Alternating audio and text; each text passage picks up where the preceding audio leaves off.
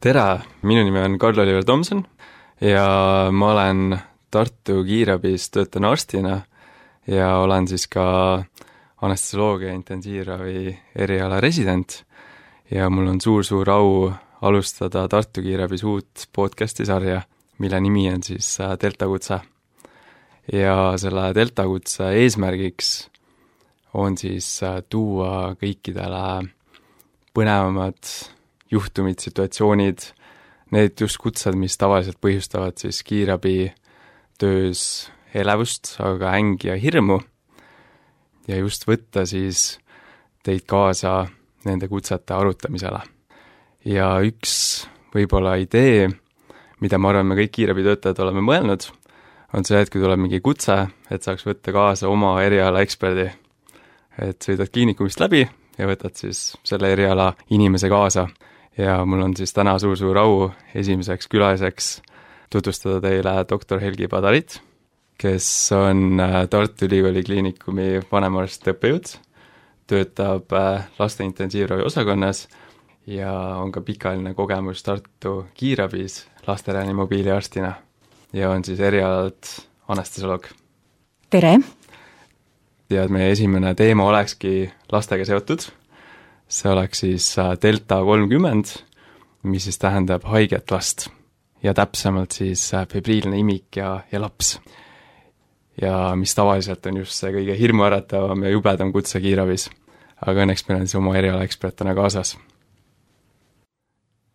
selle podcasti eesmärk olekski siis rääkida erinevatest juhtumitest ja, ja võtta teid siis kaasa. nii et ma kohe siis alustan esimese situatsiooniga, esimese case'iga et ongi siis tavaline pärastlõuna, kus sa oled siis oma brigaadiga jõudnud tagasi Riia baasi, ühtegi teist brigaadi ei ole, ja siis järsku tuleb teade, et delta kolmkümmend. kiiresti paned jala nüüd jalga, jooksed autosse ja siis esimene info, mis EMG-is äh, siis tuleb, on selline. kaheaastane poisslaps, kellel alates eilsest tekkis kõrge palavik, kolmkümmend kaheksa kraadi. seni on palavik halvasti allunud paratsetamoolile hommikul on laps olnud loid ja nõrk. ja kiirabis on selline unikaalne omadus ja võime, et me saame siis enne selle, ütleme, natukene läbi mõelda, siis kui me sündmuskohale sõidame, et ütlemegi näiteks, meil on viisteist minutit sõita ja me saame natukene selle sõidu ajal siis mõelda, et mis me, mis me selle lapsega teeksime, mida me kahtlustaksime, et ma annangi siin kohe siis doktor Padarile üle, et, et mis on need esimesed mõtted, mis sul sellise kutsele siis reageerides tuleksid? esimesed mõtted kindlasti oleks see, et milline on selle lapse normleid. ja kindlasti ma mõtleks ka sellele, milline peaks normaalselt sellises vanuses laps kaaluma. sest kaal on väga oluline, mul on vaja ravimeid teha. ja kolmas asi oleks see, et kui haige see laps on, sellepärast juba selles kutses on kaks sõna, mis ütlevad, et selle lapse seisund võiks olla raske, kuna laps on loid ja nõrk. Jaa, väga hea tähelepanek ka selle kaalu osas, et seda, seda tagasisidet me saame ki-, ka palju kiirabikaartida, et jälle on kaal märkimata jäänud. Ja just, mis on need nagu need äh, lapse baasväärtused. äh, ja, ja üks asi, mida mulle väga meeldib kasutada, on erinevaid abivahendeid ja kasutada siis tehnoloogiat nii palju, kui on võimalik, et siis üks, üks hästi hea abivahend, mida ma ise kasutan, on niisugune äpp nimega PediHelp, kus siis saab panna täpselt siis selle lapse vanuse või, või ka kaalu, vastavalt sellele, et mida, mida sa siis parasjagu tead, ja siis äh, ta annab siis need, ütleme, füsioloogilised parameetrid, et mis see, mis see südamelöögisagedus võiks olla, mis see hingamissagedus võiks olla, et, äh, et, et üks mõte oleks siis, et kindlasti need nagu endale võib-olla kuskil kas siis meelde jätta või siis kuskile kirja panna näiteks.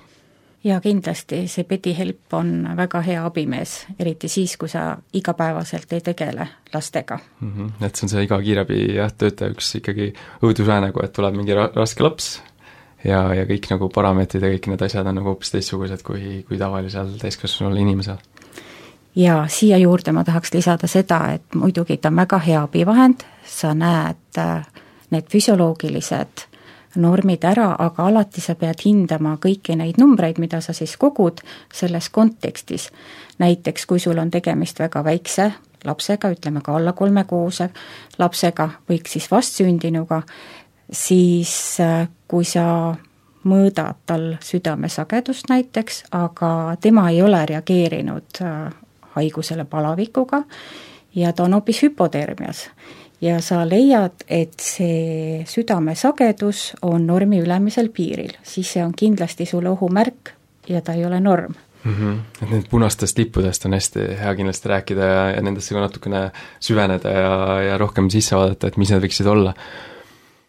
kui sulle nüüd selline kutse näiteks tuleks, et sa oled seal, sa oled see kiirabibrigaadi, ütleme, kas siis brigaadi juht või siis, või siis see abiline, kes siis kliinikumist niimoodi peale haarati, et äh, mis võib-olla ütleme nagu diferentsiaaldiagnostiliselt, et võib-olla, et kui niisugune et on kaheaastane poisslaps, tal on, tal on palavik, tal on alates eilsest olnud suhteliselt kiiresti tekkinud ja nüüd hommikuks on äh, loide nõrk, et, et mis võib-olla oleks need esmased mõtted, et võib-olla kohe, et mille peale mõte liigub esimesena mm? -hmm. Kõigepealt ma tahaksin teada, et kas ta on loid ja nõrk äh, siis, kui see palavik parasjagu on, kui kõrgele see palavik tõuseb ja milliseks muutub äh, laps siis, kui seda palavikku ei ole? enamasti on äh, sellises vanuses ju kõik äh, või rohkem neid iselimiteeruvaid viirushaiguseid, aga me ei saa päris kõrvale jätta ka raskeid bakteriaalseid infektsioone, millega mõnikord on väga kiire. väga hea tähelepanek ja, ja kohe siit võib-olla provokatiivne küsimus, et kui tähtis on, et kui kõrge see palavik on? Väga väikeste laste puhul, imikute puhul on näidatud, et äh, mida kõrgem temperatuur, seda suurem on risk, et sellel lapsel on ikkagi raske bakteriaalne haigus käigus mm. -hmm. see, mida me kõige rohkem ka kardame ja, ja mille pärast me muretseme. just.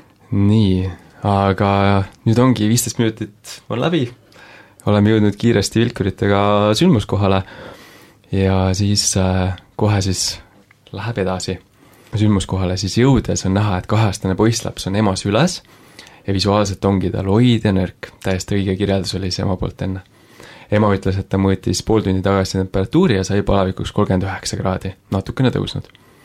ema on andnud paratsetamooli, aga sellele vaatamata palavik alla ei tule. söönud ta alates eilsest ei ole, siis kui sümptomid tekkisid, aga on natukene joonud.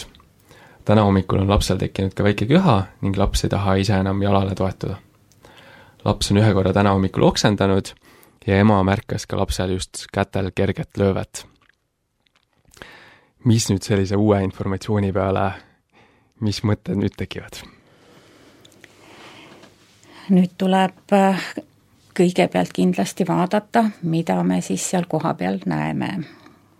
milline on see lapse välimus ja kuidas ta interakteerub selle keskkonnaga, milles ta parasjagu on ja mida me näeme kohe, on milline selle lapse nahk on mm, -hmm. milline see lööve on, kas nahk on kahvatu mm, -hmm. kas tal on tsüanoosi, kas tal on löövet, siin me juba kuulsime, et mingi lööve on mhm. tal mm. -hmm. et need ohu, ohumärgid ja need punaseid lippe on nüüd juba tunduvalt rohkem, et jaa, just kas siin on ka see koht, kus näiteks võiks seda pediaatrilist kolmnurka kasutada? jah, see on väga hea tähelepanek, muidugi siin võiks äh, lähenedagi sellele lapsele läbi pediaatrilise kolmnurga, mis on abc, väga hea meelde jätta, ja A ütlebki, et me vaatame siis, mida, mida me näeme, milline on lapse nahk ja kuidas ta siis interakteerub äh, kes-, äh, selle keskkonnaga, kus, kus ta on mm. -hmm et kuidas, jah. et ei ole siis airways, nagu kiirabitöötajad on kõik harjunud, vaid siis on, tuleb ingliskeelsest sõnast uh, appearance. just. ja kas see, kas see laps on väga äh, loid või ta võib olla ka hoopiski ähm, selline, keda ei saa rahustada, see on samamoodi üks ohumärk. edasi vaatame siis hingamist, B ja viimane C juba üks sümptom, mis siin oli, käis läbi, kahvatus, ja kui me C-d hindame, siis ka kas nahk on marmoraažis, kas seal kapilaarne täituvus on tõusnud ja millised on pulsid, alati peaks ka pulssi katsuma, aga kui juba pulssi me katsume, siis me tunneme ka, millised selle lapse jäsemed on, kui tal on kolmkümmend üheksa kraadi palavikku, kas jäsemed on külmad või soojad, see on ka väga informatiivne. Mm. -hmm et kui me oleme täiskasvanutele harjunud, et, et kui on ikkagi septiline šokk ja ja noh, siin ütleme, kolmekümne üheksa kraadisega pigem kahtlustaks seda septilist komponenti, et kui täiskasvanutel on tavaliselt alati septiline šokk, on äh, soe šokk. ehk siis jäsemed on soojad, vasodilatatsioon, siis kuidas lastel on, et kas lastel võib see pilt on natukene kirjum? jah, lastel enamasti on nii-öelda külmšokk, kus jäsemed lähevad siis äh, tõesti külmaks ja on sellised äh, kahvatud või marmoraažis kohe eemalt näha, et äh, see nahk ei ole normaalne. ja siin selle juhu juures on sul tegelikult praegu juba, mis sa ütlesid, ka paar kollet ära märgitud, üks on neelupiirkond, köha, mm -hmm. ja teine on, et ta ei toetanud jalale. et mingisugune siis ütleme, liigese sisene jah, jah, või siis äh, liigese luu või siis ka mingi süvakudede põletik mm, -hmm. mida me praegu ei tea, sellest mm -hmm. kontekstist hetkel välja ei tule, aga lähem täpsustus vanematega siis võiks viia lähemale diagnoosile mm. -hmm. et väga hea, väga hea tähelepanek, et alati jah, et äh, otsida seda algkullet ja et mis seda, ütleme, palaviku tõusu ja mis seda põhjustab. ja võib-olla siin natukene enne juba tuli jutuks ka see äh, siis viiruslik versus äh, bakteriaalne infektsioon. et võib-olla ka sellest natukene rääkida, et et, et tihtilugu viiruslikud infektsioonid kulgevad rahulikumalt, nende pärast nii palju kesk, keskeltläbi muretsema ei pea, aga just need bakteriaalsed infektsioonid on need, mis võivad väga niisuguselt fulminantselt ja ägedalt siis kulgeda. et, äh, et kas on mingeid häid äh, nippe, et kuidas siis eristada viiruslikku ja bakteriaalset infektsiooni? hästi palju oleneb, eks ju, sellest lapse vanusest. kui on alla kolme kuu laps alla üheksakümne päeva, siis me peaksime ikkagi ta viima haiglasse ja tegelikult öeldakse, et ega me pealtnäha ikkagi ära ei tunne, kui halb selle lapse seis on ja milline see konkreetse lapse risk siis on, et tal on ikkagi äh, bakteriaalne infektsioon, sest et äh, väga paljud need skaalad, mis hindavad siis riski, põhinevad vanusel, kas ta näeb kliiniliselt välja terve või haige ja lisaks analüüsid.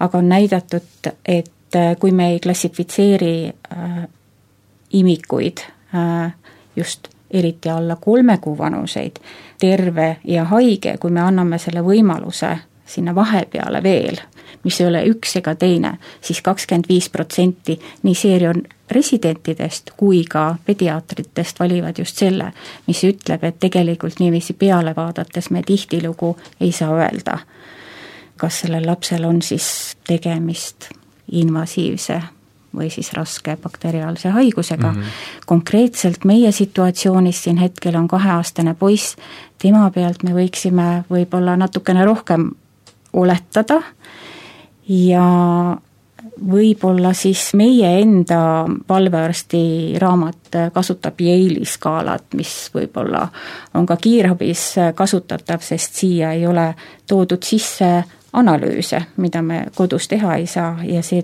äh, siis ongi ainult äh, sümptomite hindamine, selles skaalas on kuus erinevat äh, sümptomit, mida vaadatakse ja hinnatakse ja siis vastavalt sellele, kui palju see skaala punkte annab, alla kümne võiks öelda, et äh, on risk väga väike ja kui punktide arv suureneb, siis muidugi läheb see risk järjest suuremaks, kuni lõpuks siis üle viiekümne protsendi on see risk, et tal on raske haigus.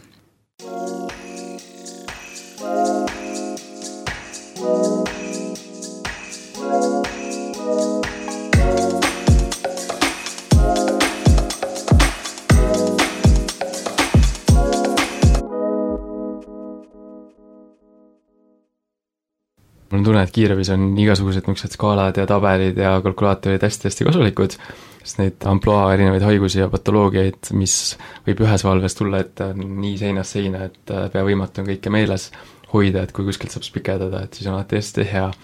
et võib-olla sa natukene siis räägid sellest äh, skaalast natukene lähemalt, et mida siis äh, lapse puhul jälgida ja vaadata mm? -hmm. Selles skaalas vaadatakse nutu iseloomu, vaadatakse siis kui jõuline see nutt on, siis vaadatakse reaktsiooni stiimulitele, millest me juba rääkisime, see on interaktsioon siis äh, selle keskkonnaga. et see võiks minna siis ka alla, et see appearance mõnes mõttes, et kui loid ja nõrk ta on just, ja, ja kas ta on väga ärritatav, nutab kontrollimatult. Ja, ja siin kolmas punkt tegelikult äh, on uinumine ja ärkamine, mis äh, läheb ka veel tegelikult selle appearance ja käitumise alla.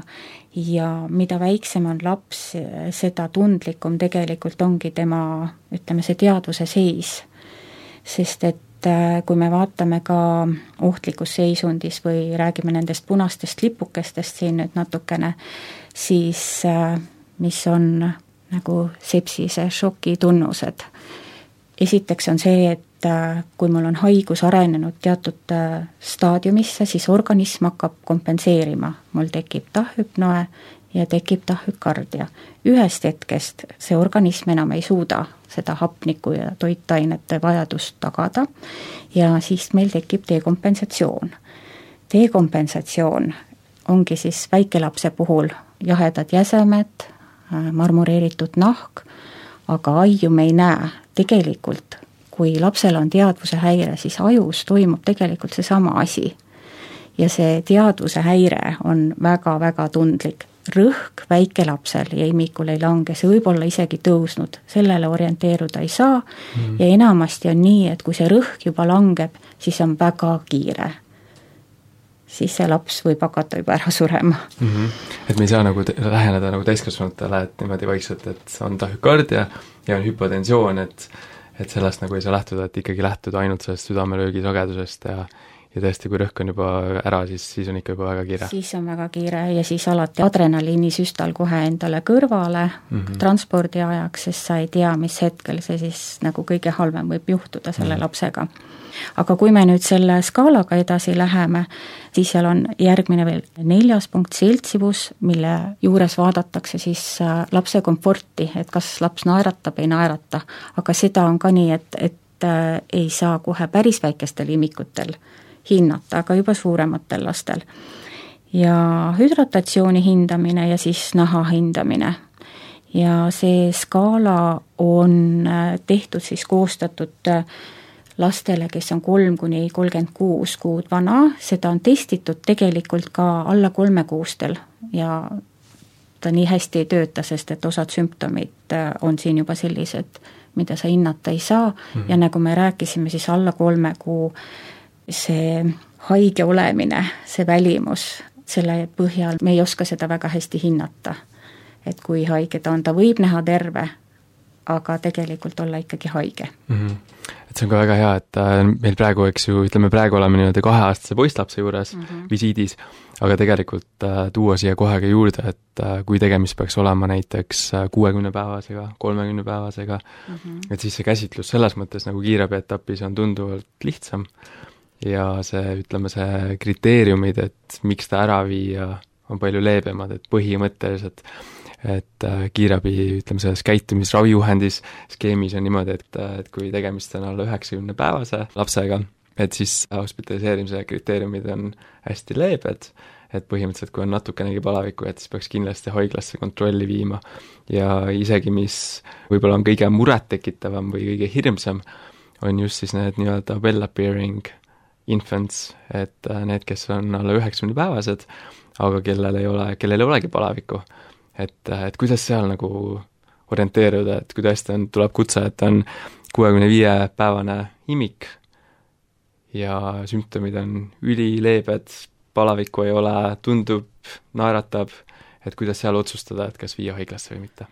kui ei ole palavikku ja kui ei ole mitte mingeid sümptomeid, siis milleks see kiirabi üldse kutsuti mm. -hmm. aga kui on ikkagi midagi, mis ema on häirima jäänud, siis äh, olenevalt sellest sümptomist, pigem neid lapsi viia kergemini haiglasse ja võtta kergemini analüüse, just sellepärast, et me ei suuda iga kord nii adekvaatselt hinnata lihtsalt peale vaadates, kas see laps on haige või ei ole haige. ja kui me siin vaatame veel esimese kuu imikuid, siis äh, näiteks selline ohtlik äh, infektsioon nagu herpesviirus, mis võib olla dissemineerunud ja viiskümmend protsenti imikutest või vastsündinutest ei reageeri üldse palavikuga sellele. aga tal ongi, ta on võib-olla natukene unisem, ta käitub natukene teistmoodi ja emal tekibki küsimus, et miks minu laps on nüüd selline. ja siis isegi, kui tal palavikku ei ole, aga tal on teadvushäire, siis ta on kohe automaatselt raskes seisundis, et seal me ei räägi mingi keskmise raskusega seisundis. et siis kindlasti need lapsed tuleb viia haiglasse ja neid testida.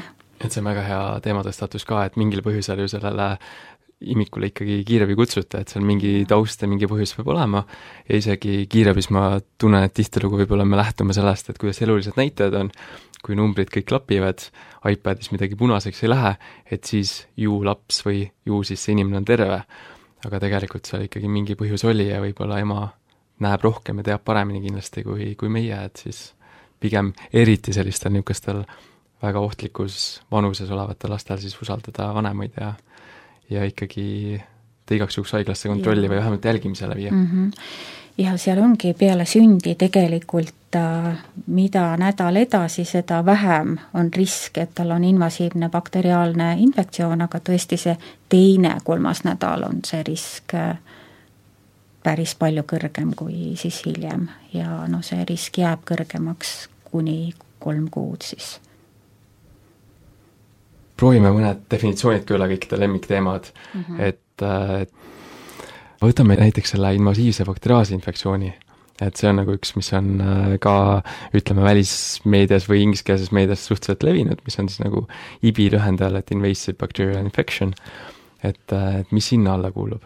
sinna alla kuuluvad meningiit ja siis bakter veres, baktereemia, sepsis või tähendab, ütleme, sepsis, meningiit, sepsis või siis nad koos mm. -hmm, et mõlemad koos, aga samas, kui vaadata nüüd äh, ütleme, niisuguseid bakteriaalseid infektsioone, et siis mis see nagu äh, ütleme niimoodi umbes äh, levimus on, et mis see kõige sagedasem tavaliselt on?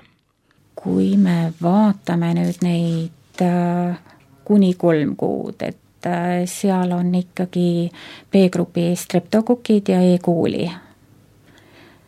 ja tavaliselt siis väljenduvad ikkagi urotrakti infektsioonina? ja urotrakti infektsiooni on ka, aga võib-olla seda on pigem vanematel rohkem, kui me vaatame raske bakteriaalne infektsioon, kuhu kuulub ka siis urotrakti infektsioon, siis seda on tõesti kõige rohkem. okei okay,, aga, aga väik-, aga väiksematel on, ütleme, neid tõsiseid sepsiseid ja meningiite ikkagi protsentuaalselt rohkem kui, kui vanematel lastel? jah väga palju oluliselt või väga oluliselt. mis on jälle väga, väga hea, et miks me peaksime kõik olema nii mures, et kui ikkagi see kuuekümne viie päevane tuleb, et siis tõenäosus, et tal midagi tõsist on, on, on kordades suurem kui, kui näiteks sellel kolmeaastasel.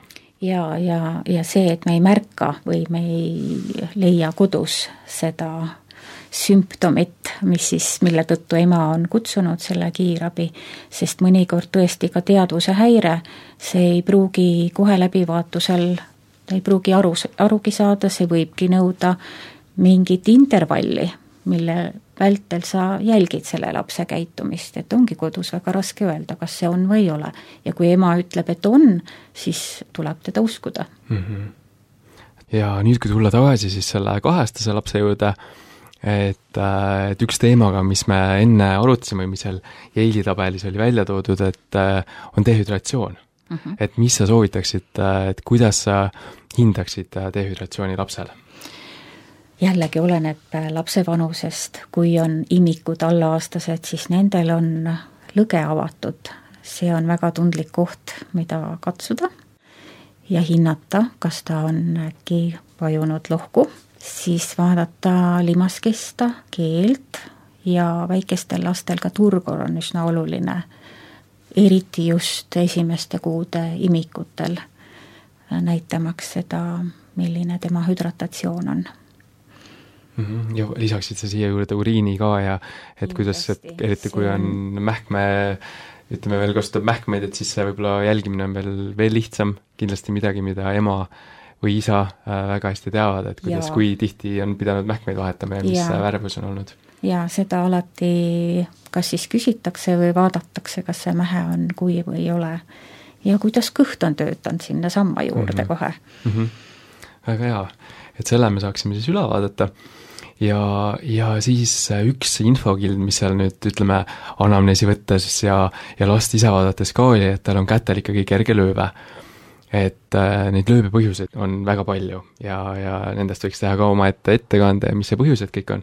aga võib-olla just kiirabi etapis, et äh, milliste löövete pärast peaks kõige rohkem mures olema ja mis ütleme, eriti niisuguse tekitavad tunde, et nüüd on küll ainult diisel ja nüüd on kohe otse haiglasse? jaa, kui see lööve on petehiaalne, mis tähendab seda, et kui me sinna lööbe peale vajutame, siis see lööbeelement ära ei kao, vaid jääb ikka nähtavaks, või siis, kui on tõesti juba tegemist äh, selliste laatuvate petehjate või siis ütleme, hemorraagiliste elementidega nahal. et ja, ja, näiteks ka nekroosikolded, et nagu purpura fulminantsi puhul, et ja, ja mis võib ka väga kiiresti tekkida, et mis tõesti võibki niimoodi tekkida, et laps eile õhtul haigestub ja järgmisel päeval juba on siis juba välja kujunenud suur äh, jaa, see võib lööve. tõesti tundidega juba et see nagu, see ja. nagu tekitaks eriti muret, muret ja ja samamoodi on ka niisugune meningu, meningu, meningiidile iseloomulik äh, lööve. just, meningokokktseemiale, meningiidile mm -hmm. iseloomulik. et, äh, et sealt sujuvalt, et äh, tema puhul ka, et ta on ühe korra oksendanud, tal on lööve, et siis võiks mõte liikuda ka sinnapoole.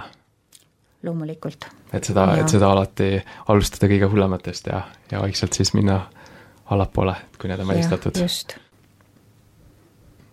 me natukene rääkisime ka sellest, et kas on tegemist viirusinfektsiooni või bakteriaalse infektsiooniga, et äh, noh, antud juhul ma arvan, et selles mõttes nende ütleme, kui meil tuleks selline laps ja me, meil oleks see info ja me näeksime kõik, mis seal on, siis ma arvan, et me vist kõik otsustaksime ta haiglasse viia. et see, seda kahtlust otseselt praegu nagu ei jää, et me rääkisime erinevatest surmavatest ja vähem surmavatest mm -hmm. haigustest, aga ikkagi nagu kiirabi etapis neid välistada, neid surmavaid ei saa ja, ja temal on teadvusehäire, nii et tema on raskes seisundis, nii et mm -hmm. loomulikult me ei jäta sellist last koju mm. -hmm et äh, aga ütleme jah, et kui, kui tal näiteks oleks äh, neid sümptomeid palju vähem, et mis nagu just sellele viiruslikule infektsioonile pigem viitaks, olekski siis nohu, köha, häälekähedus äh,, konjunktiviit, et niisugused nagu üle, üleüldised niisugused viirussümptomaatika, et aga noh, see muidugi eeldaks seda, et et ta ei, ei oksenda ja ei ole loid ja nõrk ja jaa, ja kui tal on viirusinfektsioon, mille puhul ta oksendab ja on loid ja nõrk, siis loomulikult see laps tuleb ka viirusega haiglasse viia. et see juba on dehüdratsiooniriskiga ja, just, ja, ja, ja muude probleemidega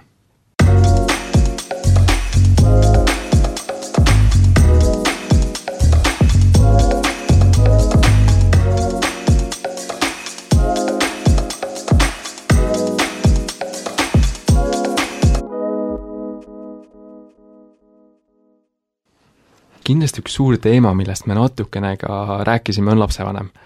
sest et mul on tunne, et kui tuleb lapsekutse või, või kui töötada lastehaigla EMO-s või ükskõik kus kohas lastehaiglas, või perearstina näiteks tuleb, tulevad lapsevanemad oma haige lapsega, siis alati on, siis alati on ka lapsevanema aspekt. et sul ei ole üks patsient, vaid sul on ootamatult kaks patsienti ja kuidas see suhtlus on. Ja üks aspekt, mida me ka juba natukene juba käsitlesime, oli see lapsevanema aspekt, et, et kui on lapsega kutse või, või töötad lastehaigla EMO-s või, või oled perearstina, võtad lapsi vastu, et et siis alati on seal taustal on ka see lapsevanem, kes vahest võib olla väga mures, ärevil, tal on see uus kogemus. Ja seal tuleb see aspekt juurde, et, et kuidas nendega suhelda ja kuidas nendega olla et kas sul oma suure töökogemuse juures on mingeid häid soovitusi ja nõuandeid, kuidas, kuidas siis ütleme, lapsevanemaga suhtlusel hakkama saada? jaa, kindlasti tuleb alati lapsevanemat uskuda, siis kui ta ütleb näiteks, et see laps ei ole mul või see imik mul ei käitu nüüd niiviisi, kuidas eelmised minu lapsed on käitunud või kui see konkreetne laps on varem olnud ja käitunud teistmoodi, et kindlasti tuleb uskuda. ja loomulikult kaasata tema sellesse protsessi, sellepärast et see otsuse tegemine, kui te olete nüüd lapse läbi vaatanud, siis te näete, et kas mul on siin nüüd kõrge risk või madal risk, aga see ei ole veel otsus iseenesest, et see otsus tuleb alles teha. ja milline on lapsevanema valmisolek võtta seda riski, kuidas ta selle lapsega hakkama saab. ja milline on minu, kui ma siis seal kiirabiarstina olen kohapeal, Äh, valmisolek võtta siis seda riski, näiteks kui ma otsustan, et see laps, konkreetselt see laps nüüd ei jää koju mm., aga ütleme, kui ma otsustan, et see laps võib mul koju jääda, milline on minu valmisolek võtta see risk. ja kuidas ma ennast hindan, kui palju mul kogemusi on ja kindlasti tuleb siin mõelda sellele, et seda riski hajutada nii vanema kui endapoolset ja selleks, et seda riski hajutada, on väga hea luua nii-öelda turvavõrgustik sellele lapsele ja harida vanemat selles osas, mida ta peaks kartma, millal ta peaks uuesti helistama. ja kaasata tema ka sellesse protsessi. Jaa, väga hea tähelepanek, et, et sinna ma tahtsin ka jõuda. Et, et ütleme, et ongi, et noh, tõesti see antud juhul see kaheaastane vajab, vajab haiglat ja ja vajab äh, sinu kogemusi ja sinu diagnostilisi võimeid haiglas, et seda kiirabietapis ravida ei saa, aga ütleme tõesti, et, et näiteks sa kahtlustad mingit viiruslikku äh, patogeeni, mis, mis hetkel haiglaravi ei vaja, ta ei ole dehüdreerunud, ta on ikkagi rõõmus, lihtsalt köhatab, tal on nohu, et äh, et seal tuleb jah, see aspekt juurde, et kuidas siis nagu lapsevanemaga rääkida, et et mis hetkel ta siis uuesti peaks kiirabi kutsuma, et mul on tunne, et see võib-olla lapse, laste puhul on eriti oluline, kuna, kuna et ei tekiks lapsevanemal see kindlus, et ah, et mul kuus tundi tagasi kiirabi käis, ju vast lapsega on kõik korras, nad vaatasid ta üle, kuigi tegelikult kuue tunni pärast on võib-olla ta juba loid, letargiline äh,, ei ole joonud et äh, mida siis lapsevanemale rääkida või kuidas nagu neid kaasata sinna edasisse nii-öelda sinna tugivõrgustikku ja kuidas seda luua? jaa, sest äh, mitte kunagi me tegelikult ka ette ei tea, mis selle lapsega võib juhtuda või kuidas see haigus võib kulgeda. seal on palju viiruseid, kelle kohta me ei oska veel öelda, isegi kui tal hetkel on viirus, sinna võib lisa, lisanduda veel mõni viirus, võib alati lisanduda bakteriaalne infektsioon ja vanematega loomulikult äh, tuleks rääkida niiviisi, et nad saaksid aru, mida siis kiirabitöötaja tahab nendelt, väga hea oleks kasutada ka sellist peegeldust. et ütelda talle, et millises osas teda jälgima peab ja milliseid sümptomeid väga lihtsalt näiteks, kas ta sööb vähem, kas ta on, ärkab vähem üles, magab liiga pikalt, kas palavik hakkab minema ütleme, kui tal on paratsetamool näiteks kasutuses, kindlasti peaks instrueerima ka seda, kui palju on see päevane doos, mida ta üldse kasutada võib. ja kui hästi see palavik alla tuleb, kas jalad-käed on püsivad, soojad, kõike selliseid väikseid asju ja siis lasta võib-olla vanemal ka natukene peegeldada endale, mida ta siis aru sai, mida ta jälgima peab mm. -hmm. et see ei läheks nagu, see info ei läheks kaduma selles info külluses ja, ja võib-olla kui võtta kokku, et et ütleme, sellele kaheaastasele, kelle, kellest me enne rääkisime, et et mis on need kõige ohtlikumad sümptomid, et et kui võttagi lööve äh,, visa, febriilne palavik, mis tõesti siis paratsetamoolile, ibuprofeenile või mõnele muule ensaidile ei allu, ja siis mõni üldseisundi häire, näiteks letargilisus või loidus ja nõrkus, et need võivad kõik olla siis invasiivse bakteriaalse infektsiooni sümptomid ja ütleme isegi, kui tol hetkel, kui, kui sa kiirabiga seal visiidis käid ja neid sümptomeid ei ole, et see ei tähenda jah, et need ei teki kuue tunni pärast. absoluutselt. ja, ja võib-olla see üks äh, hea soovitus, mis ma ise kuulsin, et, et kuidas üldse loidust võib-olla siis nagu vanemale kirjeldada, et näiteks öelda, et äh, laps on väga unine ja teda on väga raske äratada, et see on kindlasti väga suur ohusümptom, mille puhul siis peaks kas siis uuesti EMO-sse pöörduma või siis uuesti kiirabi kutsuma.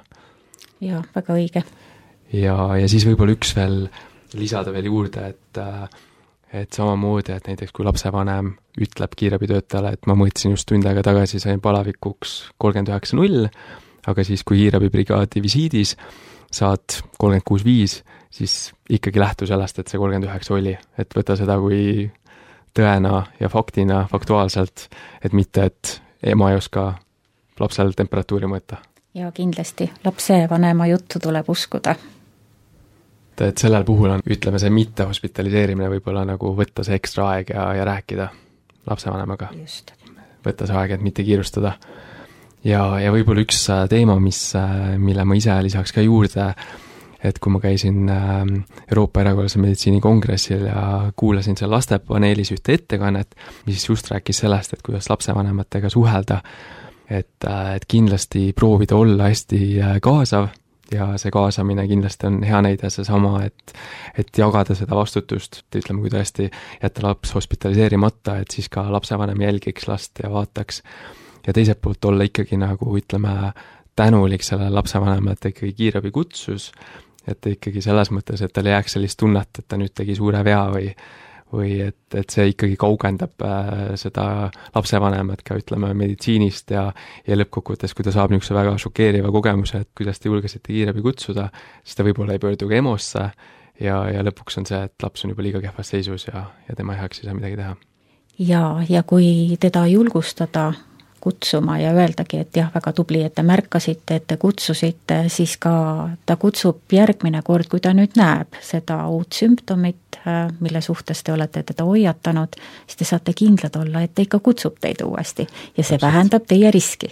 jah, jah, et ka, ka enda kaitse ja, ja lapse kaitse ja, ja lapsevanema, et siis nagu selleks ja. võiks siis võita kõik osapooled. kogu jah, selle osapoolte riski vähendab selline suhtumine ja käitumine kui tulla sinna kiirabi äh, juurde tagasi, et, äh, et seal on tõesti niimoodi, et seal palaviku all on toodud veel välja eraldi, et et kui on alla kolmekuune imik, et siis peaks igasuguse palavikuga hospitaliseerima. Ja alla viieaastane laps palavikuga üle kolmekümne kaheksa koma kolme kraadi. Ja mis ei alane siis vaatamata ravile, et äh, tema võiks ka siis haiglasse tuua jälgimiseks, kontrolliks, vereanalüüsideks. Ja siis haiglas saab ju edasi otsustada, et kas siis ütleme, kas see on siis tõesti see viirusliku etioloogiaga või siis tegemist võibki olla mingi tõsise bakteriaalse infektsiooniga. ja just, ja tegelikult veel eraldi grupi moodustavad need lapsed, kellel on juba mingi riskitegur olemas, kas tal on mingi vahend, mis äh, teda aitab elus toime tulla, trahja, kanüül, kas tal on südamelõikusi olnud, et nendest lastest, need äh, tahavad tegelikult nagu erikäsitlust.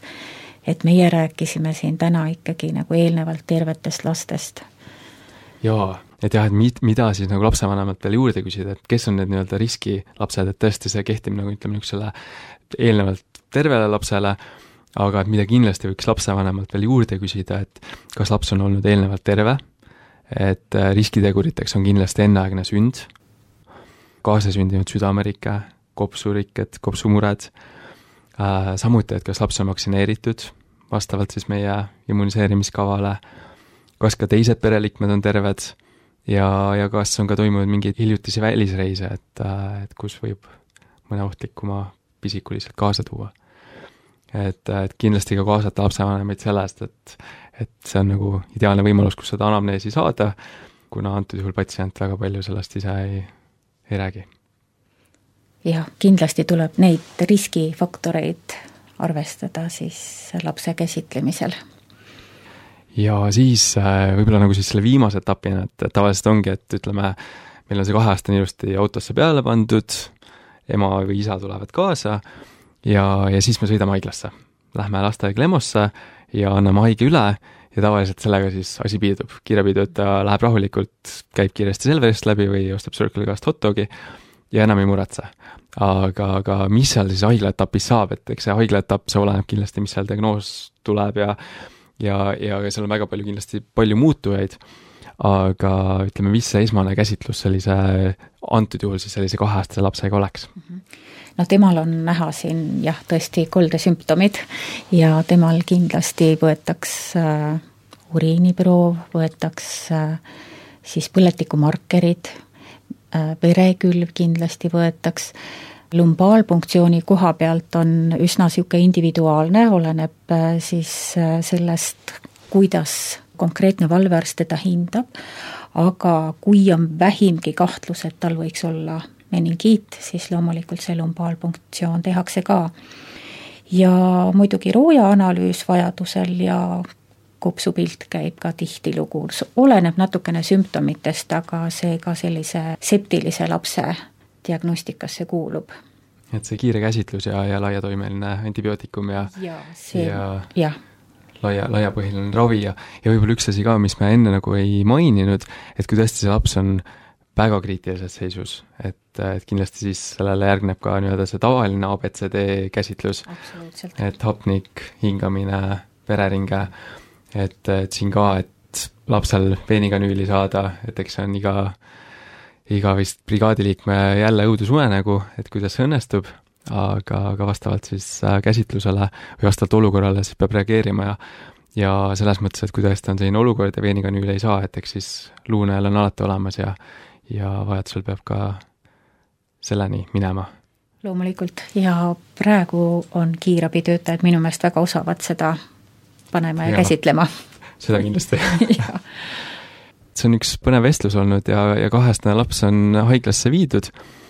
et kokkuvõtteks ma tooksin ka välja ikkagi sellesama, et et kõige tähtsam on lihtsalt see kriitiline laps ära tunda ja, ja laps, laste puhul olla alati tähelepanelikum ja, ja laste puhul võib-olla see hospitaliseerimise kriteerium võiks kindlasti olla madalam.